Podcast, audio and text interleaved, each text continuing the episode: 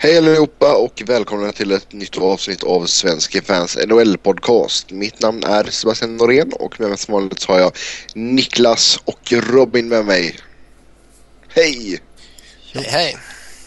Uh, som ni hör så är jag lite förkyld. Det har satt sig på stämbanden men uh, vi, det går väl ändå detta va?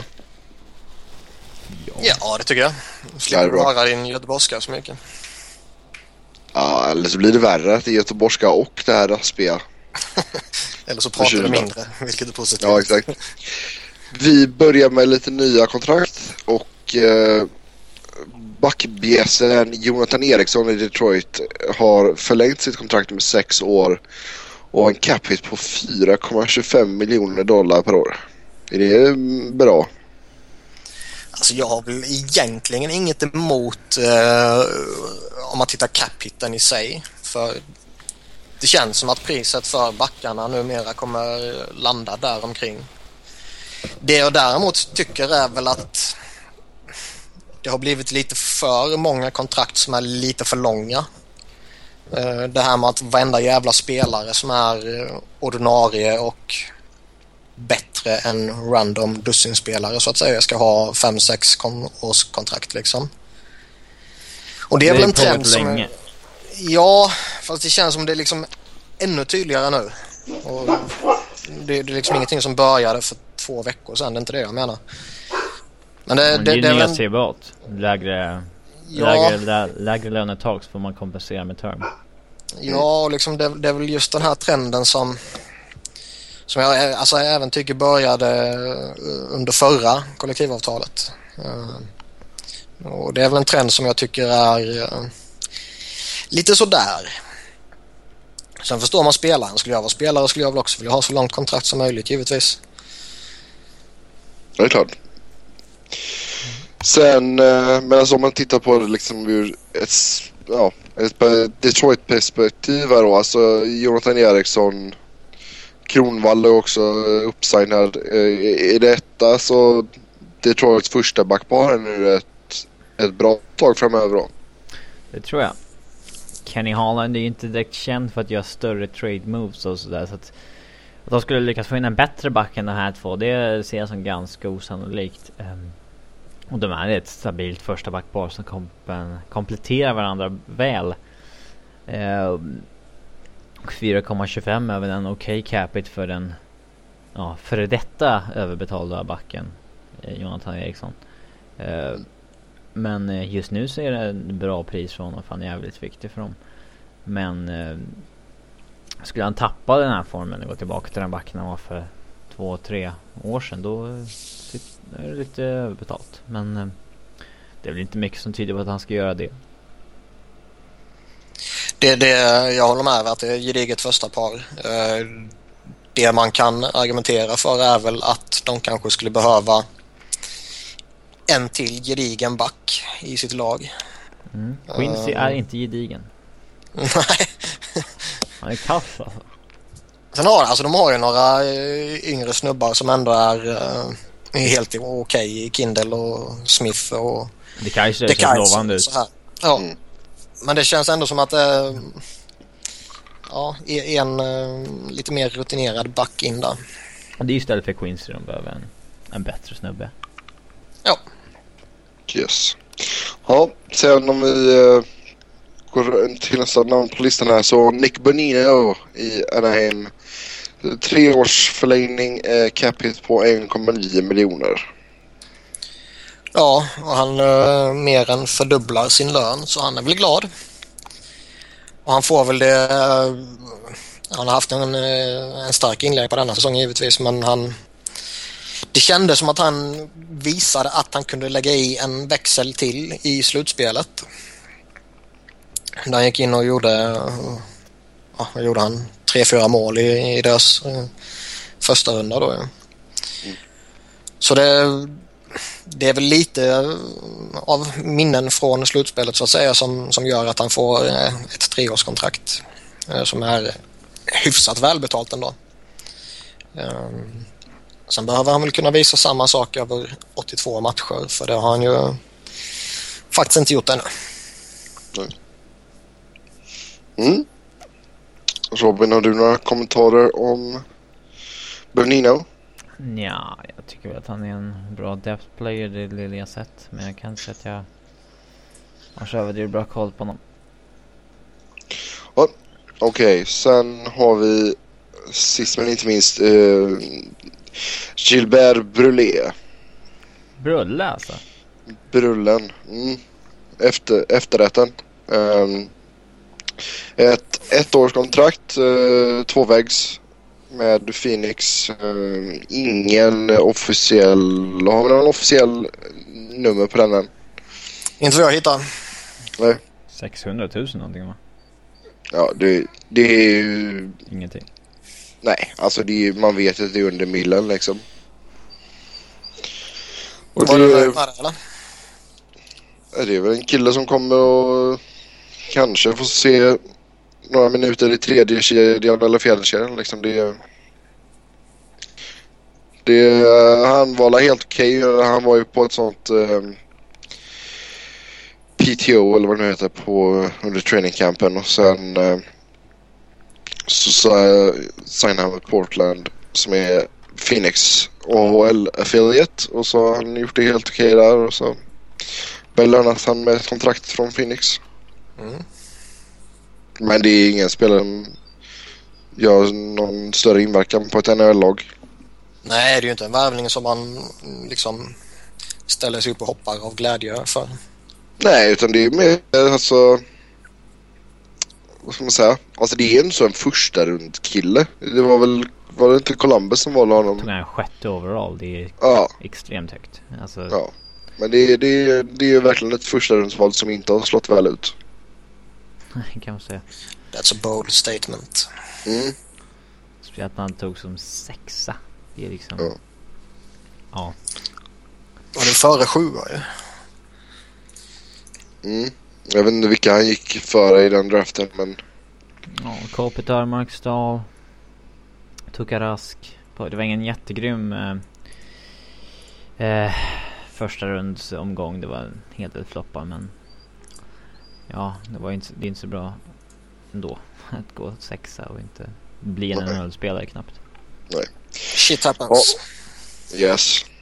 Sen eh, kom kolla avstängningar så Kevin Westgarth i Carolina blev avstängd två matcher.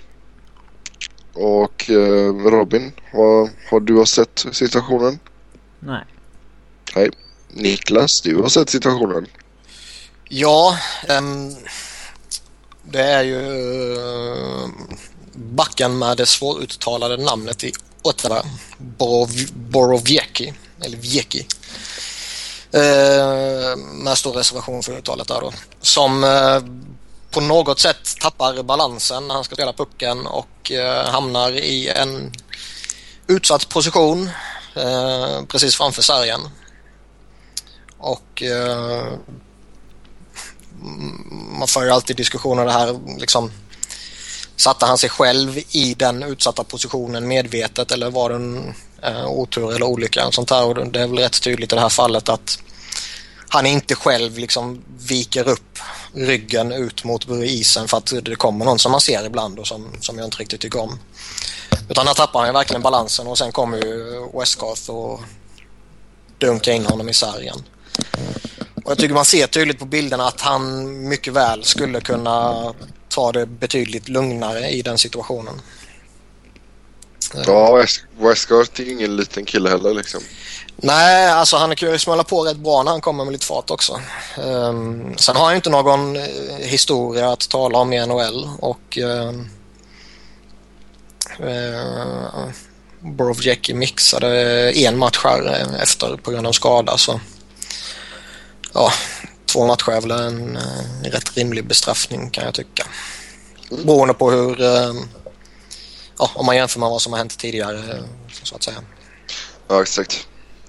Ja, då ska vi prata lite om eh, Dallas Stars försvarare Stefan Robida som eh, bröt benet här nu och beräknas vara borta 4 till 6 månader. Och ja, första frågan då, alltså hur påverkar det här hans chanser till ett nytt kontrakt? Jag tror väl lite eh, det beror på om han hinner spela något mer i denna säsongen eller inte. Um, han blir UFA som sagt och han är, uh, kommer bli 37 i mars. Um, så kommer han tillbaka där i mitten, slutet på mars och kanske hinner spela 10 matcher eller någonting och visar att, att han fortfarande är en NHL-spelare så att säga. Då kan jag väl tycka att uh, han bör kunna hitta ett kontrakt någonstans. Sen om det blir Dallas eller en, någon annanstans, det, det är väl, låter jag vara osagt som sagt. Men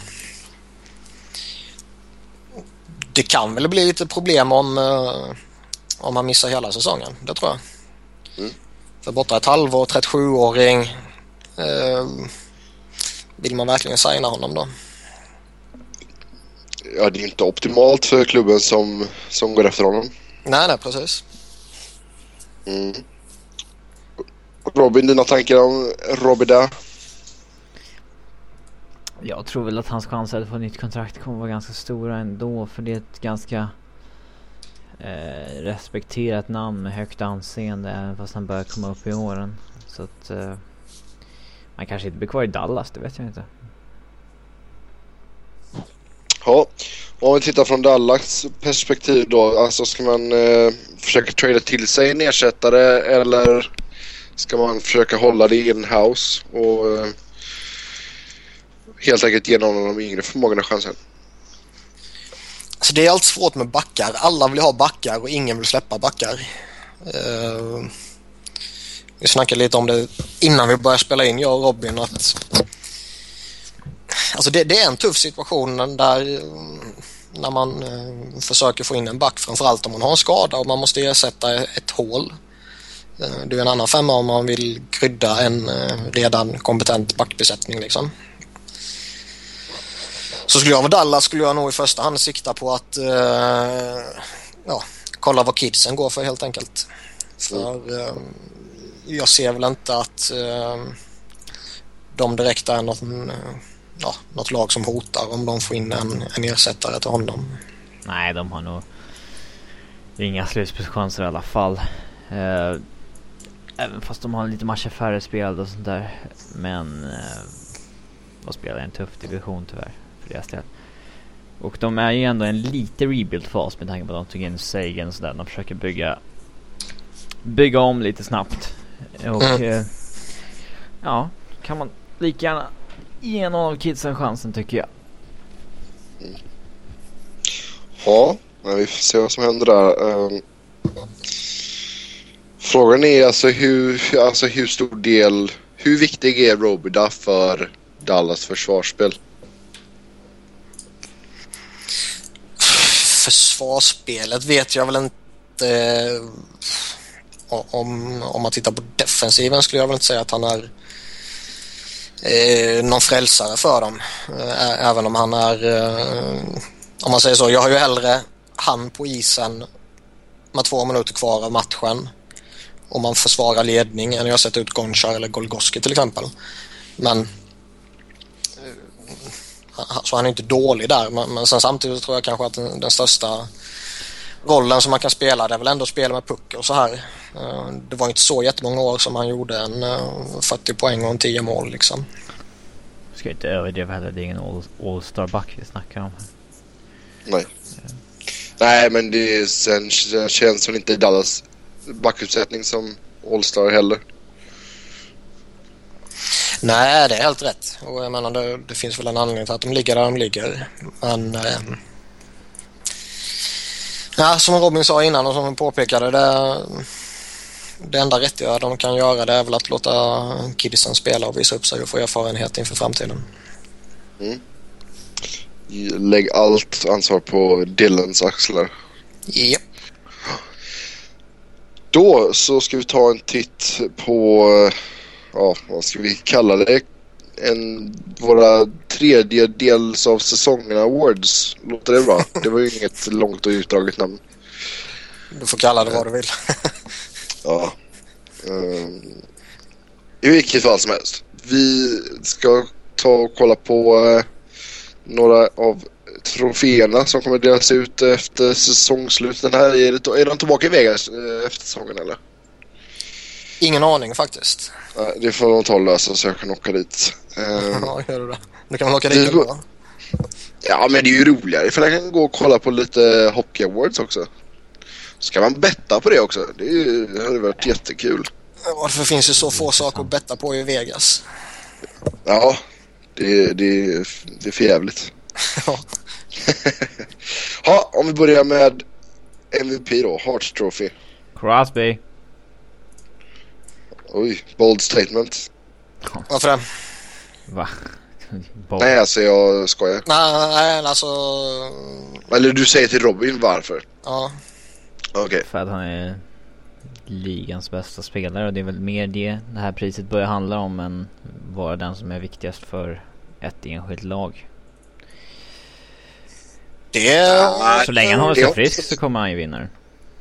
Jag kan hålla med om att uh, Hart Trophy mer och mer blir bästa spelare och inte mest värdefulla. Det håller jag med om. Men, men om man snackar ren MVP så ser jag ju inte Crosby som den. Nej, då är det målvakten till något lag hela tiden. Nej, det tycker jag inte. Jo. Alltså, jag, nej, du har fel. nej, men jag, jag tycker liksom... Visst, nu, nu kommer alla peka på mig och säga men du är Philadelphia-supporter. Men, men Ska du ge Hart Trophy till Steve Mason nu? nej. Nej. Men just att kritisera eller lyfta fram någonting med Pittsburgh och bla bla bla liksom. Det, pff, så, så är det alltid.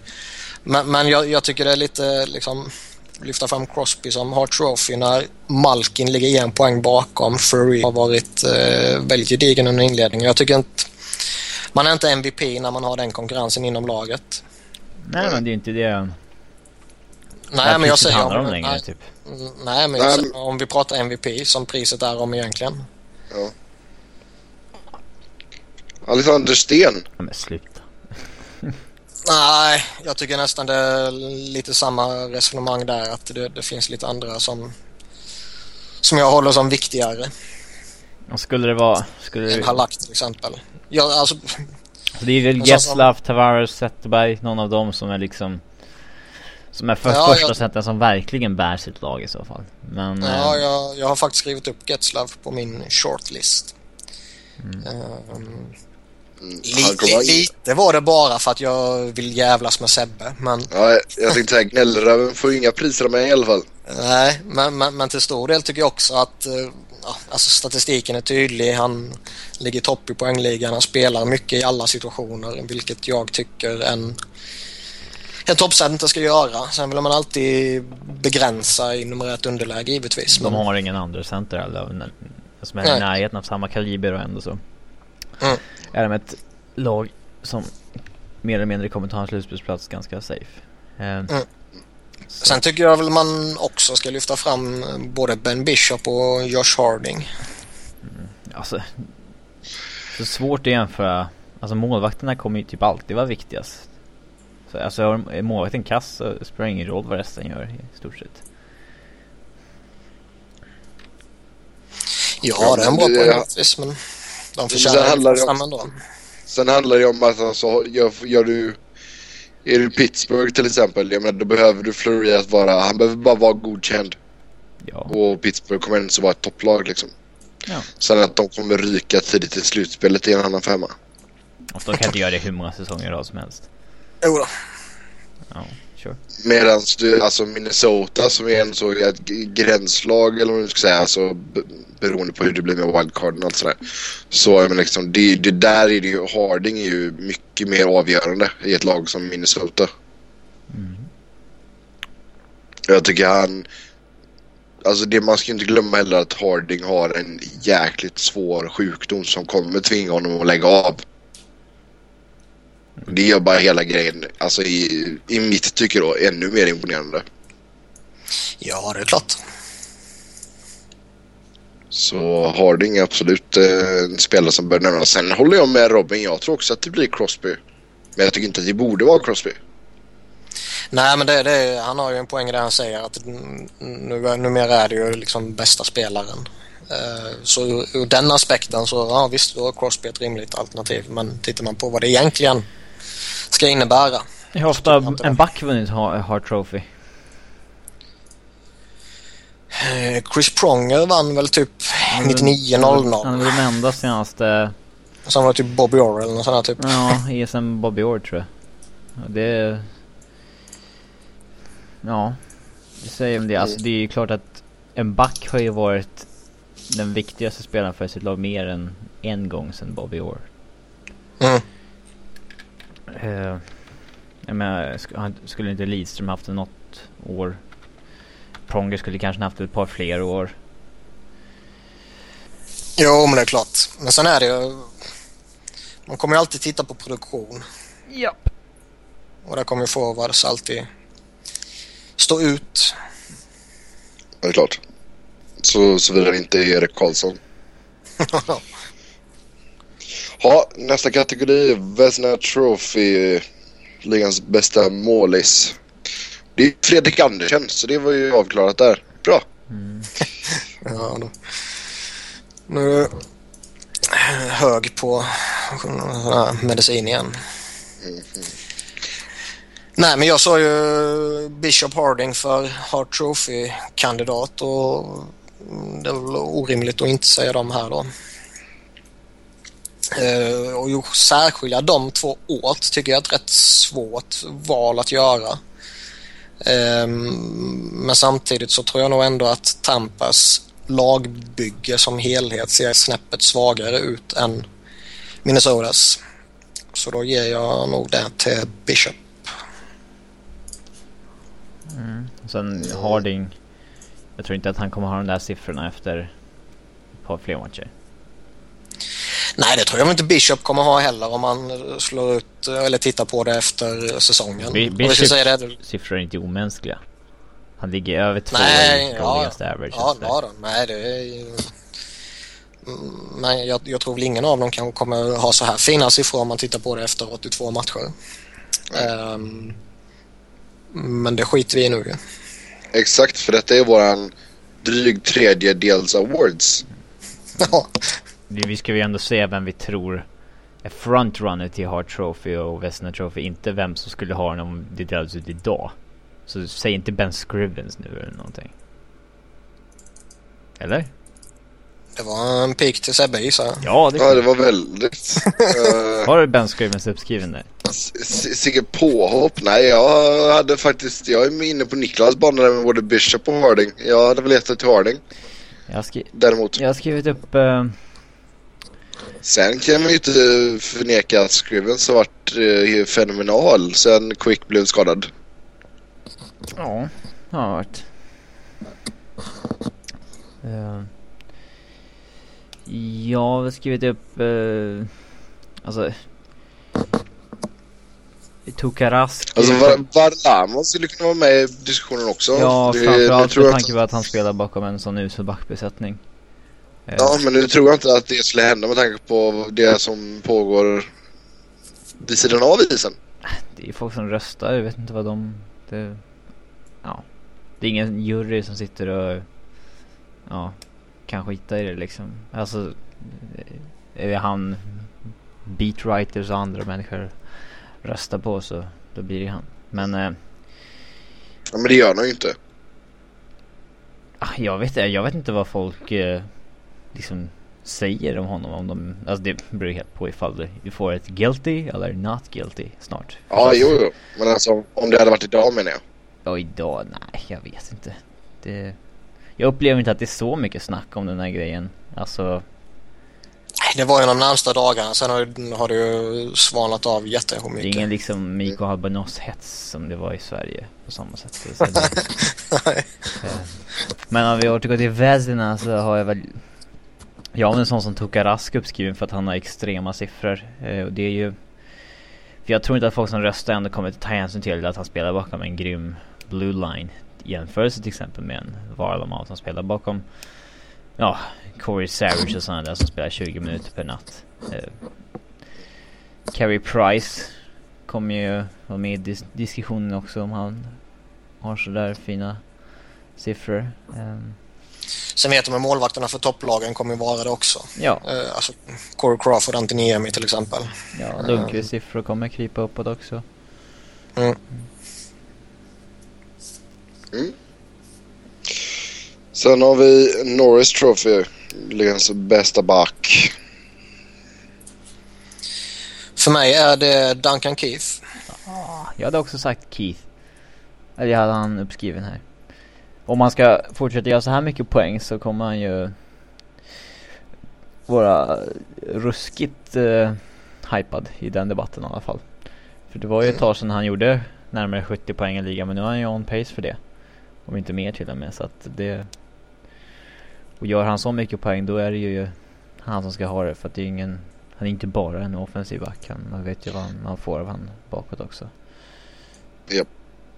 Ja, nej så är det. Han är en komplett back i princip och så länge Chicago går så här bra som de gör så kommer han nog fortsätta producera bra med poäng nu när han har fått lite flyt i det också.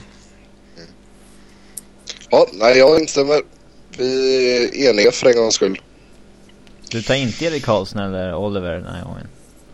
Nej, alltså jag såg ju Chicago igår och Keith är... Duktig. Alltså, ja men jag tycker över, överlag alltså först, Chicagos första period man bara...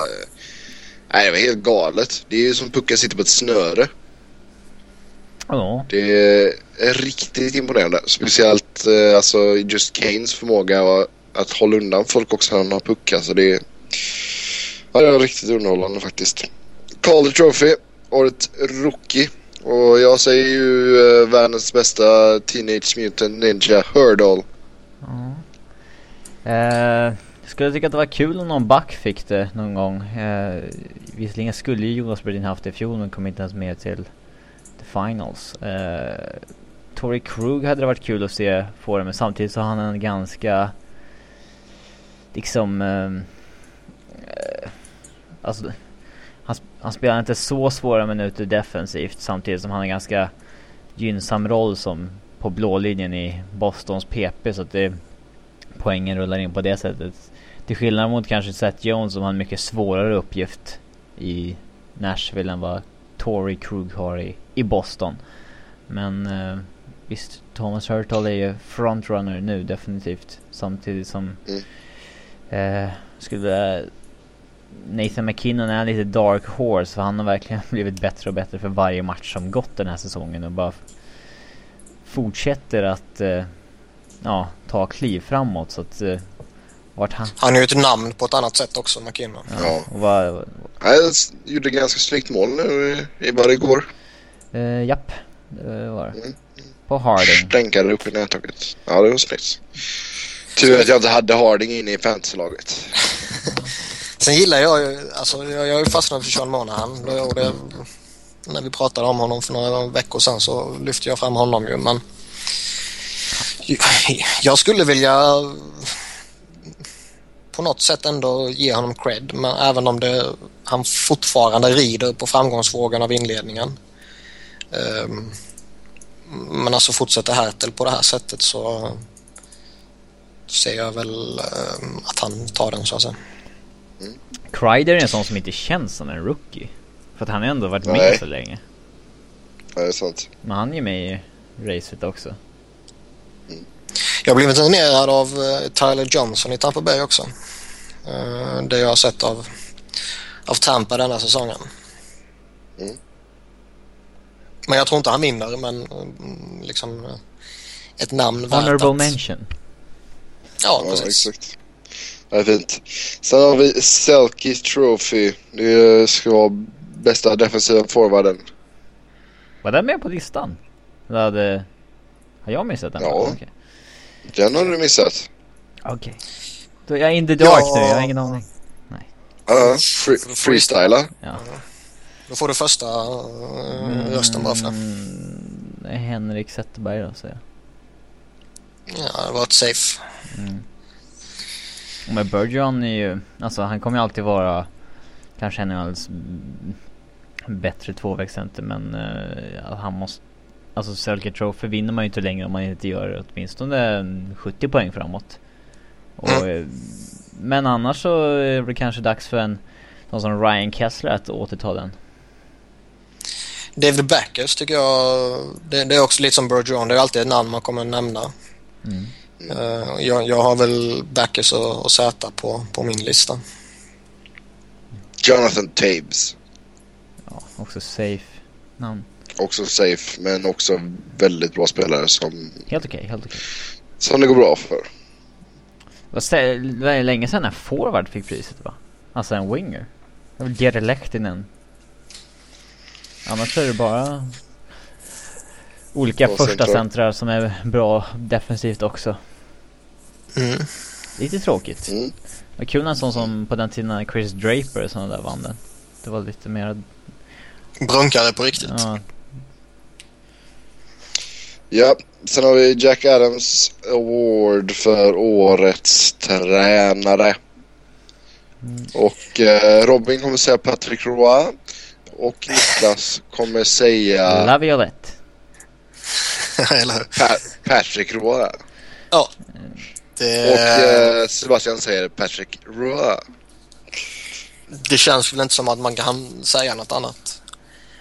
Eh, sen är det alltid svårt ju- just med nya coacher och liksom hur, hur stor del de har haft i ett lags framgångar. Det är alltid lite sexigt när, man, när någon tar ett lag som var näst sämst generellt för eh, några månader sedan till ett lag som ja, är fem, femte bästa av 30 lag om man ser till bara poäng. Jo, jag tänkte komma till det också. Det är, alltså det, det är en jättebedrift man har gjort. Ehm, sen vet jag ju inte om, om han ska creddas. Ja, Det är GM Greg Ja, Sherman som ja. ligger bakom det här. Eller, men hur man än vrider och vänder på det så är det ändå imponerande att få till de resultaten man har fått med den backbesättningen. Mm. Mm. Jag skulle... Och det, det är väl det som avgör för min del. Han kom ändå in och i rätt tid när det var dags för den här unga kärnan att ta, sig, ta ett steg. Han tog inte över ett riktigt pisslag direkt. Det var ju... Mm. Alltså den forwards... Eh, men det är nog många GM som skulle vilja ha en, en forwardscore med Landeskog, Duchene, Riley och McKinnon att bygga sin franchise kring nu. Eh, så att... Eh, det var ju ganska sexigt tillfälle för att ta över det här laget när de skulle ta nästa steg. Men det, det kan man ju säga om Edmonton och Dallas Aikens också. och Där har det inte alls funkat. Ja, exakt. Och vi kommer att prata mer om eh, Roy i nästa segment. Men jag skulle ändå vilja höja, alltså Joel Quenwell i Chicago också för att det är liksom vi, Det är starkt att kunna hålla den höga klassen hela, hela, hela, hela tiden. Ja, trots att man liksom Nej, nu har vi inte råd med spelare som Frolik och sådana där bollen längre. Nu måste vi skeppa ut dem och ta in nya och så Visst, coren är densamma men det är liksom, det är fortfarande att de, de bara maler på Alltså, Men så länge de har Mikael Hantzus kommer de vara grymma. Visst, visst. Visst, visst. Men... Uh, Japp. Ja, det, det är väl lite... Det ska väl vara lite cred till Stan Bowman också när vi ska snacka GM of the year nu. Så att det... Det är ändå han som bygger det här laget. Men jag, jag har svårt att bestämma vem, vem som ska ha mest cred för att det ändå fortsätter rulla på utan... Utan att maskineriet hackar trots att de tappar spelare av cap reasons mer eller mindre varje år. Fast de har ju kvar stommen hela tiden. Det är ju det som är avgörande. Mm, men det är... Ja. De har ju inte tappat någon ur stommen. Nej men det är ju ändå så spelare som Balen, Fronik och Stålberg och sådana där som de har varit som de inte har råd att ha kvar längre så ändå, men de ändå måste Ja, det är bra spelare. Absolut, det säger jag inte emot dig. Eh, Men sen samtidigt så är det spelare som lag av den kalibern kan undvara. Så länge de har Toews och Sharp och Hossa och Kane och Keith och Seabrook och Crawford om han håller eh, samma nivå liksom. Så länge du har den stommen så, så kan du cirkulera på de andra Det spelarna. viktiga testet kommer ju om något år när Crawfords kontrakt har kickat in och det är dags för Kane och Taves att få sina pay raises. Sina 10 miljoners kontrakt. Ja men upp mot 8,5 i alla fall ska de väl ha. Ja. I alla fall Johnny T. Jo. Snackar vi coacher tycker jag man ska nämna en sån som John Cooper i Tampa Bay också. Han kommer också in på senare. Jo. Mm. Yes, eh, GM of the year. Säga Stan Bowman då, var samma argument som tidigare. Ja. Jag tycker det är svårt att peka på ett... eh, Alltså oftast har man eh, ett namn eller två där man känner att ah, men fan det laget har gjort det riktigt bra efter den här traden eller oh där hittar de ju två fynd eller så här. Men jag tycker det är svårt hittills. Ehm, jag kör lite safe och säger Peter Chiarelli i Boston. Ehm, Okej. jag vet att Robin inte håller med mig men jag tycker ju att eh, Louis Eriksson-traden ändå har... Man får inte glömma bort Eh. Riley Smith som, som de fick i den dealen. Nej exakt, alltså det är inte bara Louis Eriksson utan jag tänkte säga det också. Han har övertygar också som en, det kändes lite när, när man läste traden från början att okej okay, det är bara en snubbe man känner in, slänger in i traden för att väga upp antal kontrakt och sånt här. Men han har ju faktiskt varit riktigt bra för dem eh, och spelar en viktig roll för dem. Um, sen har man inte haft några problem att, att ersätta Ferrens när, när han försvann till Edmonton. Uh, Krug som var inne på tidigare gör det jättebra. Iginla funkar bra hos dem även om han gör sina poäng i klumpar här och där nu. Um, så det är väl kanske ett fegt val men, men, jag tycker ändå att... Uh, Han gjorde ändå bra i somras med att ersätta Horton och sådär med Iginla. Mm. Det, Mm. det gick bra alltihop. Sen vissa har Tyler Seguin har ju blommat ut eh, känns det som i, i Dallas men jag är också helt övertygad om att han inte skulle gjort det om han skulle varit kvar i Boston. Det är svårt att trada, det är svårt att trada bort honom mot en spelare som kommer göra fler poäng i Boston. Du ska ju, Mm. när de bytte bort, de hade ju liksom cap-problem. Det är Ja. liksom så att man måste ju ta en bra spelare med ganska låg cap hit, som var Lou Eriksson. Och billiga spelare där till som man tror på sikt kan bli någonting. Det är svårt att hitta någon annan, någon annan deal. De försökte väl få ett förstahundsval där, ett ganska högt sådant. Eh, men det gick ju inte riktigt. Det, Så känns det som. Ja. Då ska vi se. Det är svårt detta. Nej, jag säger Dom Maloney, Phoenix. Får vara lite... Otippat! Det är de För, för att vara en liten homer. för att vara en liten homer. ja, Eh, man, nej, man men jag tycker- sådana idioter också. Nej, men jag tycker se- sett till alltså, hans budget restrictions och allting så tycker jag han under flera år har gjort det jävligt bra faktiskt. Alltså man vill ju aldrig bedöma en GM på liksom några månader så här. En GM Nej. ska ju alltid bedömas över ett liksom flera års tid och jag var väl lite inne på att Ja. en sån som Jim Nill ändå börjat Alltså Dallas har ju inte gått svinbra även fast de har, ligger above 500 men de spelar i en jävla jobbig division. Men jag tycker ändå att han har liksom börjat bra i Dallas på något sätt. Med Ja, jag tycker han har satt en bra grund Ja, alltså en, bygga en, en bra på. Foundation för vad Dallas ska vara närmaste åren från att de De gick ganska snabbt från att vara ett Ålderstiget lag med Jagger och Whitney och sådana där spelare, Eric Cole till att ha Tyler Sagan och Jamie Benn i fronten med Alex Chason på uppgång, Cody Aiken, Brendan Dillon eh, Drafta Valerie Nitushkin som visserligen inte startat jättebra men han kommer säkert komma igång om några år så där. Det, Ja, jag tycker att han har gjort ett intressanta första steg i Dallas i alla fall. Sen får vi se vart det bär. Men och så tog han ju in Dan Ellis, det får vi inte glömma. Mm. Eh, största överraskningen då så här långt? Spelare snackar vi nu då. Det känns ju lite som... Eh, ingen mer att man- stensnack nu, vad fan. Vi alla vet att han är största överraskningen. Ja, eh, jag Ja. tänkte säga det. Man, man, man kan väl Ja. säga något annat än eh, en sten egentligen. Men Stens mål, målskytte ja, det är väl det. Sen samtidigt vill man ändå lyfta fram lite andra namn så eh, jag säger Ben Bishop återigen. Eh, även om man givetvis visste att han hade en, eh, en potential någonstans. Eh, så tycker jag han har eh, visat den potentialen lite, eh, vad ska man säga, tidigare och lite mer tydligt än vad jag kanske trodde han skulle göra i, i det laget. Um, Brian Little i Winnipeg kan man också förtjäna att nämna. Jag är ändå lite överraskad över att Ryan Johansson domade ut så som han verkar ha gjort nu. Jag trodde ändå att Blue Jackets hade ja, förstört honom lite med att tvinga in honom i NHL för tidigt och sådär. Men det, det ser intressantare ut där än det har gjort på flera år i alla fall. Och det kan man inte gärna se sämre ut. Gäll, gällande just. Ryan Johansson alltså. Men eh, eh, jag skulle ändå vilja säga Torrey Krug för att jag trodde inte alls att han skulle fortsätta i den här poängformen som han hade i slutspelet. Jag trodde ändå att han Jag menar han gjorde väl mål på var- vartannat skott där i slutspelet och det gick lite Lite löjligt bra kanske.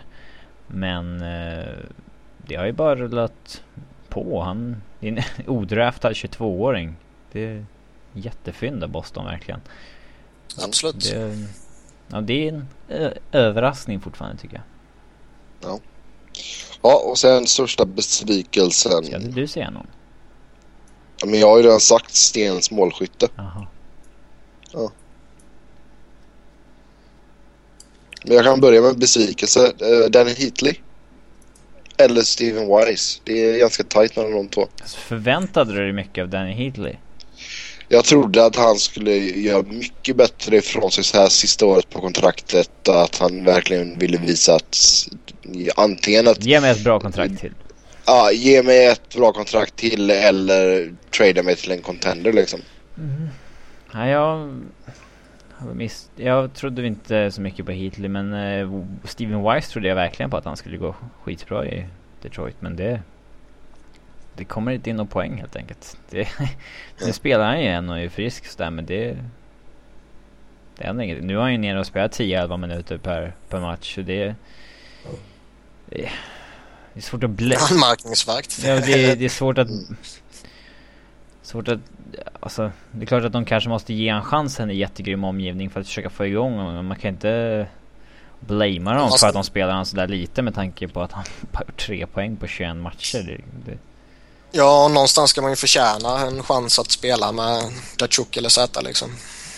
mm. Och inte bara slängas in där för att man fick ett dyrt kontrakt och man behöver komma igång. Men jag såg... eh, Jag såg deras första... När jag såg någon av deras powerplay så spelade de Dan Cleary och inte Wise överhuvudtaget. Och där tycker jag att då kan man lika gärna slänga in Wise där för att ändå försöka få igång honom på något sätt. För att spela Ja, Dan- Clear Dan- har ju inte varit het heller. Nej, han är ju... Och det är så...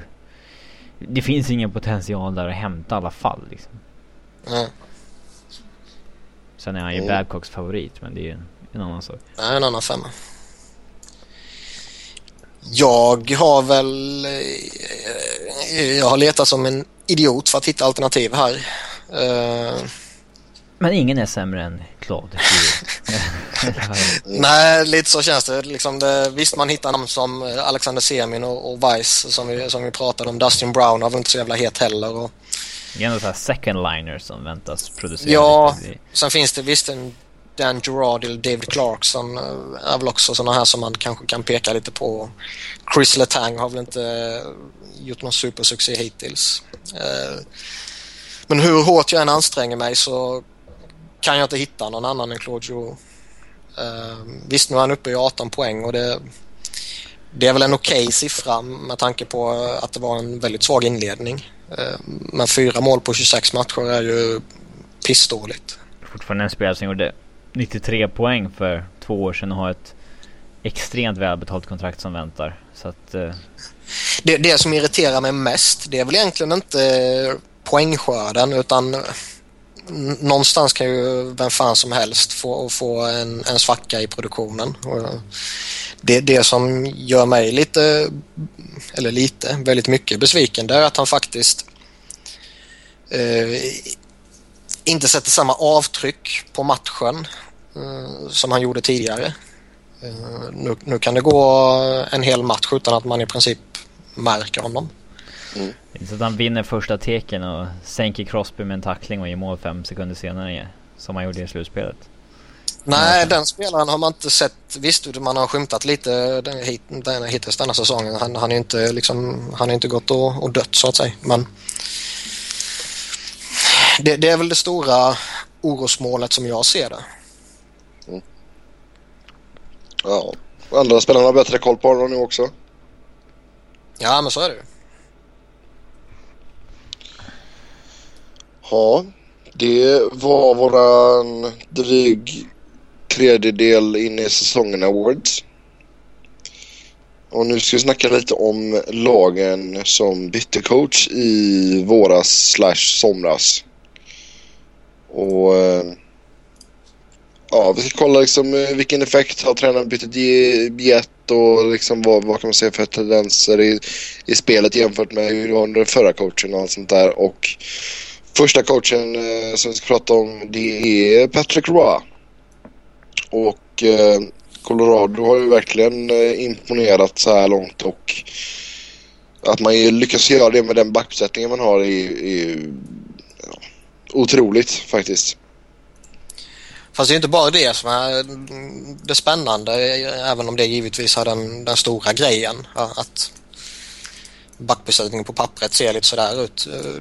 Men man har ju faktiskt hittat på lite andra saker. Det, man slänger ut Ryan O'Reilly som winger.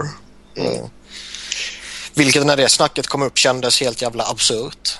Mm. Um, men det har väl ändå funkat helt okej okay, liksom. Jo men vadå, kollar man på alltså, vilka de har att välja mellan av de centrarna som skulle spela wingers så känns ju så O'Reilly som bäst fit. Alltså jag tycker han känns mest center av de som är centra där. Eh, mm, alltså jag vet, Duchene är ju... Eh, många säger att man ska inte flytta honom från center nu och det, det kan jag ändå hålla med om men skulle man ge honom lite tid som forward tror jag att han skulle vara en minst lika dynamisk spelare där som han är på centerpositionen. Uh, jag trodde nog att de skulle välja Peter Paul Stasny på en wing. Det var ju...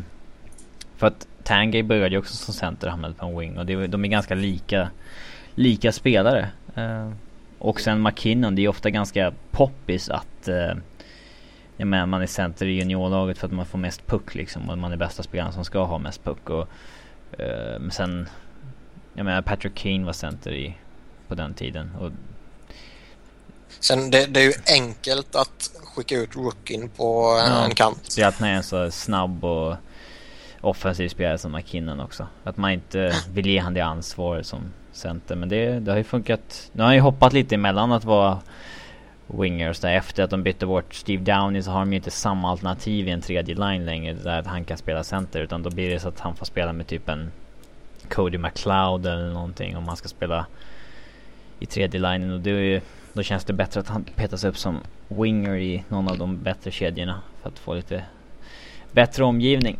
Men eh, ja, alltså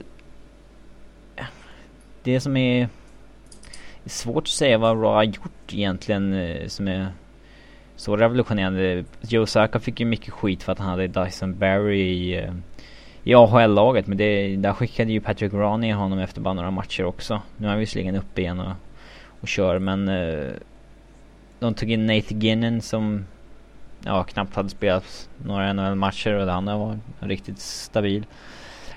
Man har gjort ett första backpar med John Hayde och Eric Johnson som är plus 15 och plus 17 trots att de spelar mest och tuffast minuter i, i laget.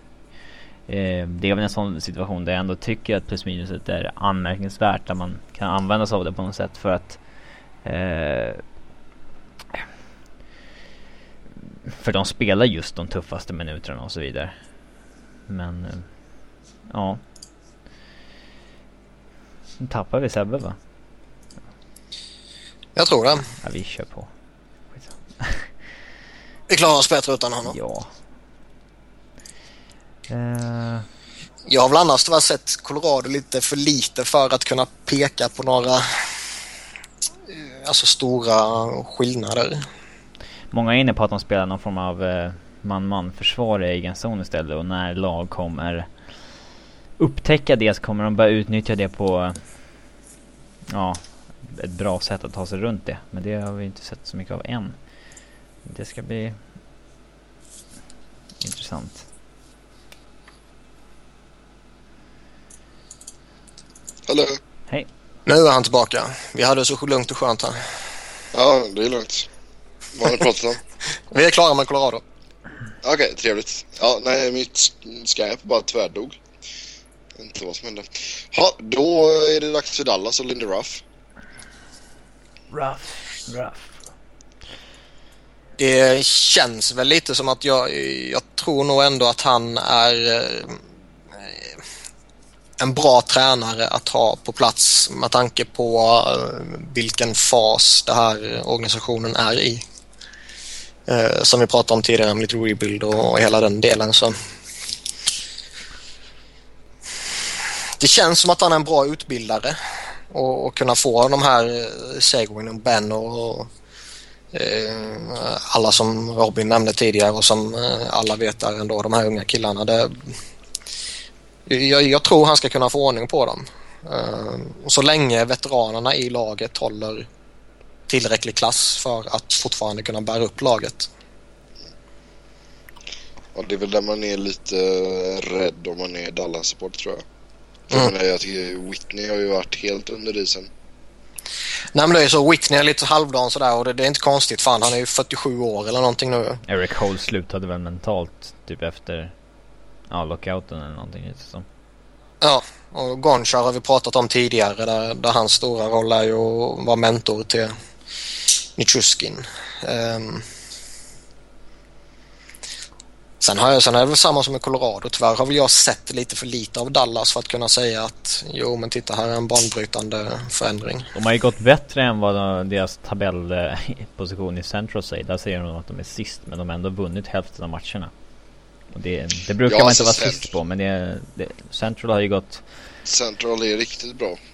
Ja, alltså det... Det är ingen... eh, Det är mördande konkurrens där just nu för Dallas. Så att... eh, Mm. Nej, jag får väl hålla med Niklas där. Jag, jag, har, jag har ju sett Dallas men inte tillräckligt för att göra någon djupare analys av spelsättet. Nej. Däremot ser man ju fortfarande väldigt beroende, beroende av Lehtonen alltså. Ja. Det är en bra målvakt så. Ja, absolut. Men samtidigt så känns det som att det är väldigt, lite väl tunt bakom.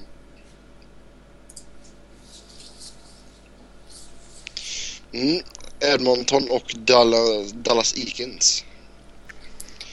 Killen som skulle få eh, detta unga superstar Edmonton och gå som tåget. Det är väl eh, helt enkelt så att förlorarmentaliteten sitter ingrodd i de där väggarna så det är skitsamma vem det är som bestämmer där. Ja, men de har ju målat om. Ja, jag skulle vara det va. Nej, alltså. Jag ska väl inte påstå att man hade någon jättekoll på Ekins. Eh, vad han hade gjort i Toronto Marlies och så här men. Han var rätt hypad och jag tror väl fortfarande han har en rätt god framtid som NHL-coach. Däremot så. Alltså ta Edmonton i, i, i, idag så att säga är som första tränarjobb är ehm, det är en rejäl utmaning. Och det är väl kanske någonting som jag personligen skulle tänkt mig för både en och två och tre gånger innan man skulle sagt ja. Och det kanske han gjorde eller så tror han så mycket på sig själv eller så ville han bara väldigt eh, fort in i NHL. Ehm, men det känns liksom så, så länge de har de här eh, stollarna som styr och ställer så nej, då är det skitsamma vem fan det är som är coach. De kan inte skylla på coachen varje år i alla fall. Det... Nej, ändå verkar de göra det och sparka dem fram och tillbaka och hela tiden. Ja men nu känns det som den här gången så kan de inte göra en gång till. Nu... Ja, alltså inte det. Edmonton är De kan konstiga. inte drafta en forward till. De kan inte sparka en tränare till. Det... Ja, nej. Exakt. Sen tycker jag väl Ja. liksom, det, det lilla jag sett av Edmonton så tycker jag det är samma gamla vanliga Edmonton där kidsen har lärt sig att förlora och kommer förlora och förlora och förlora. Det är ju lite Det är farligt när en eh, bästa målvakt. kommer in i laget sådär. Vad sa du Robin? Det är farligt när man får in en sån där liksom Bayern-mentalitet i laget. Att... ja men alltså på allvar. Det är det det är. Förlorarmentalitet liksom. Det... Jajamän. Jag bara skojade Jag för in lite Bajen-hat också. Ja, Bayern vann SM. 2001. Tack vare en eh, felaktig offside-avblåsning på Stefan Rehn i Djurgården mot Sundsvall hemma i näst sista omgången. Nej det är inte näst sista, tredje sista tror jag. Nu ska du inte vara bitter. Om något så borde ni inte ha haft Stefan Rehn. Ja, Det sägs att eh, Göteborg sa nej tack, vi tror att du är slut. Ja, det var bra gjort av dem i så fall. Natt. Ja, nu ska vi inte prata allsvensk fotboll utan nu ska vi prata NHL-hockey. Och eh, Alain Vignon tog över New York Rangers efter att ha fått eh, säga tack och hej från Vancouver. Mm. Och eh, inledningen var alltså där va? ja, men slowly coming back liksom. Det, Mm. det kommer, antingen så kan man ju få en direkt effekt av ett tränarbyte eller så kommer man med det är tungt att börja men sen börjar det rulla in och det är väl så det känns i Rangers just nu. Slow burn. De hade ju lite skador och skit i början också så att eh, Lundqvist var inte på topp. Men nu... Nej, och jag menar där märker man ju så en skillnad på spel. Alltså, många som verkar gladare skillnad. alltså. Många som trivs bättre med Vigneault. Chris Kreider Mm, Jag tror, ja, Zuc- Zuccarello. Nej men klart det, det är ju mm, alltså ty, typexemplet på uh, där man kan se en förändring det är ju Rangers och så är det ju Vancouver såklart. Eh, där de här två snubbarna bytte då. Ehm, och det känns väl som att det är lite mer öppet i Rangers och det är lite mer frejdigt på något sätt. Ehm, och visst, Samtidigt, eh, känns, samtidigt känns det som att man släpper till mm, lite fler skott också. Ja, alltså de, de känns... De, det kändes som ett tryggare defensivt lag tidigare. Sen är det väl eh, som Robin sa liksom att eh, ibland tar det tid att anpassa sig till eh, om man ska snurra runt på eh, så många saker. Eh, mm, Visst, du har en hel sommar att anpassa dig och du har ett helt training camp och så här men man lär sig bäst i matchsituationer hur man än vrider och vänder på det. Man kan träna i evigheter med den matchsituationen man, man lär sig i och det kommer ta tid innan det sitter när man gör stora förändringar.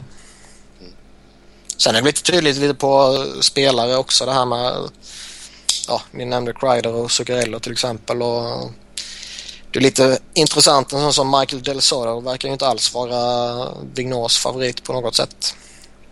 Nej. Eh, Dan Girardi har ju problem denna säsongen. Mark Stahl tycker jag har problem denna säsongen och det känns ju två spelare som verkligen Släpp passade in. nu. Det är ingen penna. Vad är det då? Ja, jag vet inte, det är någon jävla plastsak. Men jag kan lägga den. Um, Um, slangbella typ. alltså, låter du så illa? Ah, ja, skitsamma. Ehm, Åh oh, jävlar. ja. Du ska inte håna mig när du inte kan hålla ordning på dina saker själv. Ska jag bryta av en godis på mitten och så tappade jag den. Och jag Mm. råkade kasta den in i tangentbordet. Orutin. Men i vilket fall, Mark Stahl, Dan Girardi, det känns ju som spelare som verkligen passade in under Tortorella och som eh, kanske exponeras lite för mycket nu. Jag vet inte. Absolut. Sen eh, ska vi gå över till eh, Tortorella direkt, direkt eller så kan vi avsluta med Co- Cooper. Det kan vi väl definitivt göra. Mm. Ehm, ja, precis tvärtom. De vann nyss. sa. De vann nyss men de fick ju rejält med pisk mot Rangers i uh, lördags. Um, och nå- någonstans känns det väl att uh, det är en liknande fas de är inne i som eh, Robin drog om, om Rangers. Att uh, det är lite anpassningar här och där. Och, um, även om tvillingarna Sedin har gjort uh, schysst med poäng och Kessler har hittat målet så, så känns det väl ändå som att eh, bakom dem så är det väl inte så jättesexigt faktiskt. Eh, Edler tycker jag är skitdålig numera. Um, Ja, minus, minus 12 talar sitt tydliga språk där. ja, liksom Robert Longo den jävla situationen är ju ett skämt också. Eh, och det känns väl som att han inte direkt spelar på maxnivå. Mm. Så det, det, det känns som det är lite, lite olika saker som eh, påverkar utöver coachbytet också. Eh, um, givetvis Luongo är ju den, den, den stora den stora grejen så att säga. Men jag menar sett till Vancouvers spelarmaterial, alltså i, var det verkligen en bra fit att ta in Tortorella? Alltså det var väl lite som man pratade om i somras att antingen kommer, är det precis vad de behöver eller så kommer det bli lite jobbigt. Det känns, Ja. det väl, passar för vissa spelare, passar inte för vissa. Jag tror inte att Edler tycker att det är så kul när man Han såg inte jättenöjd ut när han fick den där uh, hårtorken av Tortorella i båset. För att han inte lyckades få ut pucken i zon en gång. Och... Eh, Nej men skoj var det. eh, men jag tror ändå Ryan Kessler, Kevin Bjäxa är spelare som kanske gillar Tortorella-hockeyn. Kessler har ju sagt att han gillar det som fan. Ja, man kan ju inte säga något annat dock. Nej men han kan ju inte svara ordentligt på frågan. Han kan ljuga. Ja, men klart de alltid kommer säga att de är nöjda med coachen liksom. Nej men det är klart alltså det känns ju en spelare som Kessler och Bjäxa och Kanske Cassian på sikt. ja jag tänkte säga Cassian. Eh, tror jag definitivt kommer gynnas av den här hockeyn. Um, Konstigt att inte Burrows har gjort det dock. Han har inte alls kommit igång. ja. Um, svår, svårt att säga. Samtidigt så Ny, nyckeln kommer alltid vara Sedinarna och Kessler. Um, så länge de producerar så kommer Vancouver vara tillräckligt slagkraftiga för att ta sig till slutspel. Eh, sen givetvis en anmärkningsvärt att han står på noll mål, Burroughs. Det, han ska väl ha några till kan man tycka. Men eh, så länge de där tre stjärnorna producerar så kommer de vara ett lag för slutspel och det tror jag nog de kommer vara när vi summerar säsongen. Ja, och sen avslutar de med Tampa Bay och John Cooper. Där Cooper! Där verkar det ett jäkla lyft. Men han ställs ju lite på prov nu utan Stamkos också. Inte bara San Luis, Filippola och Bishop och de andra utan det blir lite test för John Cooper också. Um, man kan inte direkt beskylla honom om det går åt helvete heller för att har man Steven Stamkos så är det klart att man kommer bygga sitt lag kring honom. Och det vore ju tjänstefel att göra annat. Um, men... Uh, ja. Det som är skoj med han är att han verkligen vågar släppa fram de unga spelarna. Vilket i och för sig inte är konstigt eftersom han hade dem i AHL. Ehm, men han vågar släppa fram en sån som Godas till exempel. Ja, han är skitbra. Ja, han vågar släppa fram Tyler Johnson. Han vågar släppa fram, eh, vad har vi mer, Killorn och, och de här snubbarna. Um, det är ändå skoj och det, det, är precis det som Tampa behöver. Visst, de, de, de måste givetvis bygga kring Stamkos och så länge de har St. Louis så är det ju de två som är den offensiva motorn och all fokus ska ju ligga på dem givetvis men i det långa loppet så behöver de ju slussa in de här unga killarna så att ja. de slipper hoppas på att Ryan Malone på något märkligt jävla sätt skulle vakna till liv igen. Mm. Kucherov är en intressant spelare också som har spelat ett par matcher nu och det eh, Ja, han backen som eh, Sebbe förmodligen kommer ha svårt att uttala namnet på. Andrei Suster. Ska man uttala det så? Ja. Okej. Okay. Ingen aning. Andrei Suster. Men... Eh, ja. Jag vet. Sen verkar han ha fått lite ordning på Victor Hedman. Ja, fan. Victor Hedman ändå. Han går sakta men säkert. Ja, senaste äh, två åren ungefär har han ändå börjat sakta men säkert bli bättre och bättre på från att han stod ganska still de första tre åren. Uh, ja. Sen snubben är fortfarande bara 21 år. Det känns som han är typ 26. Mm. Men för han har varit med så jävla länge. Och Hedman var 21? Ah, fyller 23 nu i december. Ja, okay. ja 22 menar jag, förlåt. Det var mm, Tack. matematiken som ja. jävlades för mig. Han är yngre än mig. Tänkte det var i... Ja, jävla i mig. En galen värld vi lever i. Det vet jag inte vad jag tror på. Jag tror Robin är 17 egentligen. jag känner mig inte som 23, det kan jag säga direkt